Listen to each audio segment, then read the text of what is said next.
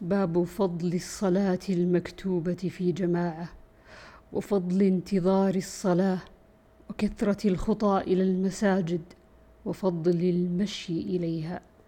عن أبي هريرة قال قال رسول الله صلى الله عليه وسلم صلاة الرجل في جماعة تزيد على صلاته في بيته وصلاته في سوقه بضعا وعشرين درجة. وذلك أن أحدهم إذا توضأ فأحسن الوضوء ثم أتى المسجد. لا ينهزه إلا الصلاة لا يريد إلا الصلاة فلم يخطو خطوة إلا رفع له بها درجة وحط عنه بها خطيئة حتى يدخل المسجد. فإذا دخل المسجد كان في الصلاة ما كانت الصلاة هي تحبسه. والملائكة يصلون على أحدكم ما دام في مجلسه الذي صلى فيه. يقولون اللهم ارحمه اللهم اغفر له اللهم تب عليه. ما لم يؤذ فيه ما لم يحدث فيه. اللهم لك الحمد. وعنه قال قال رسول الله صلى الله عليه وسلم إن الملائكة تصلي على أحدكم ما دام في مجلسه. تقول اللهم اغفر له اللهم ارحمه ما لم يحدث وأحدكم في صلاة ما كانت الصلاة تحبسه. اللهم لك الحمد.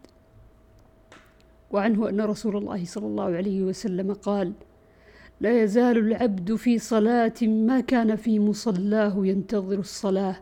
وتقول الملائكة اللهم اغفر له اللهم ارحمه حتى ينصرف أو يحدث. قلت ما يحدث؟ قال يفسو أو يضرط. وعنه أن رسول الله صلى الله عليه وسلم قال لا يزال أحدكم في صلاة ما دامت الصلاة تحبسه لا يمنعه أن ينقلب إلا الصلاة. لا يزال أحدكم في صلاة ما دامت الصلاة تحبسه. لا يمنعه أن ينقلب إلى أهله إلا الصلاة. وعنه أن رسول الله صلى الله عليه وسلم قال أحدكم ما قعد ينتظر الصلاة في صلاة ما لم يحدث تدعو له الملائكة. اللهم اغفر له. اللهم ارحمه. باب فضل كثرة الخطى إلى المساجد. عن أبي موسى قال قال رسول الله صلى الله عليه وسلم إن أعظم الناس أجرا في الصلاة أبعدهم إليها ممشى فأبعدهم. والذي ينتظر الصلاة حتى يصليها مع الإمام أعظم أجرا من الذي يصليها ثم ينام.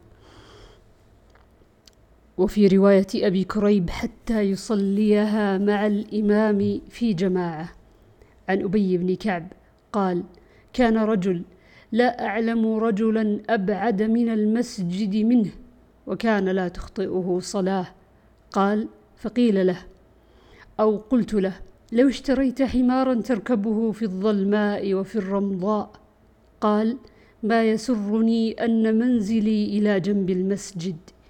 إني أريد أن يكتب لي ممشاي إلى المسجد ورجوعي إذا رجعت إلى أهلي. فقال رسول الله صلى الله عليه وسلم قد جمع الله لك ذلك كله. وعنه قال كان رجل من الأنصار بيته أقصى بيت في المسجد في المدينة وكا فكان لا تخطئه الصلاة مع رسول الله صلى الله عليه وسلم. قال فتوجعنا له. فقلت له يا فلان لو أنك اشتريت حمارا يقيك من الرمضاء ويقيك من هوام الأرض. قال أما والله ما أحب أن بيتي مطنب ببيت محمد صلى الله عليه وسلم. قال فحملت به حملا حتى أتيت به نبي الله صلى الله عليه وسلم. فأخبرته. قال فدعاه فقال له مثل ذلك وذكر له أنه يرجو في أثره الأجر. فقال له النبي صلى الله عليه وسلم إن لك ما احتسبت. عن جابر بن عبد الله قال كانت ديارنا نائية من المسجد فأردنا أن نبيع بيوتنا فنقترب من المسجد. فنهانا رسول الله صلى الله عليه وسلم فقال إن لكم بكل خطوة درجة. وعنه قال خلت البقاع حول المسجد فأراد بنو سلمة أن ينتقلوا إلى قرب المسجد. فبلغ ذلك رسول الله صلى الله عليه وسلم فقال لهم إنه بلغني أنكم تريدون أن تنتقلوا قرب المسجد. قالوا نعم يا رسول الله قد أردنا ذلك. فقال يا بني سلمة دياركم تكتب آثاركم. دياركم تكتب آثاركم. وعنه قال أراد بنو سلمة أن يتحولوا إلى قرب المسجد. قال والبقاع خالية.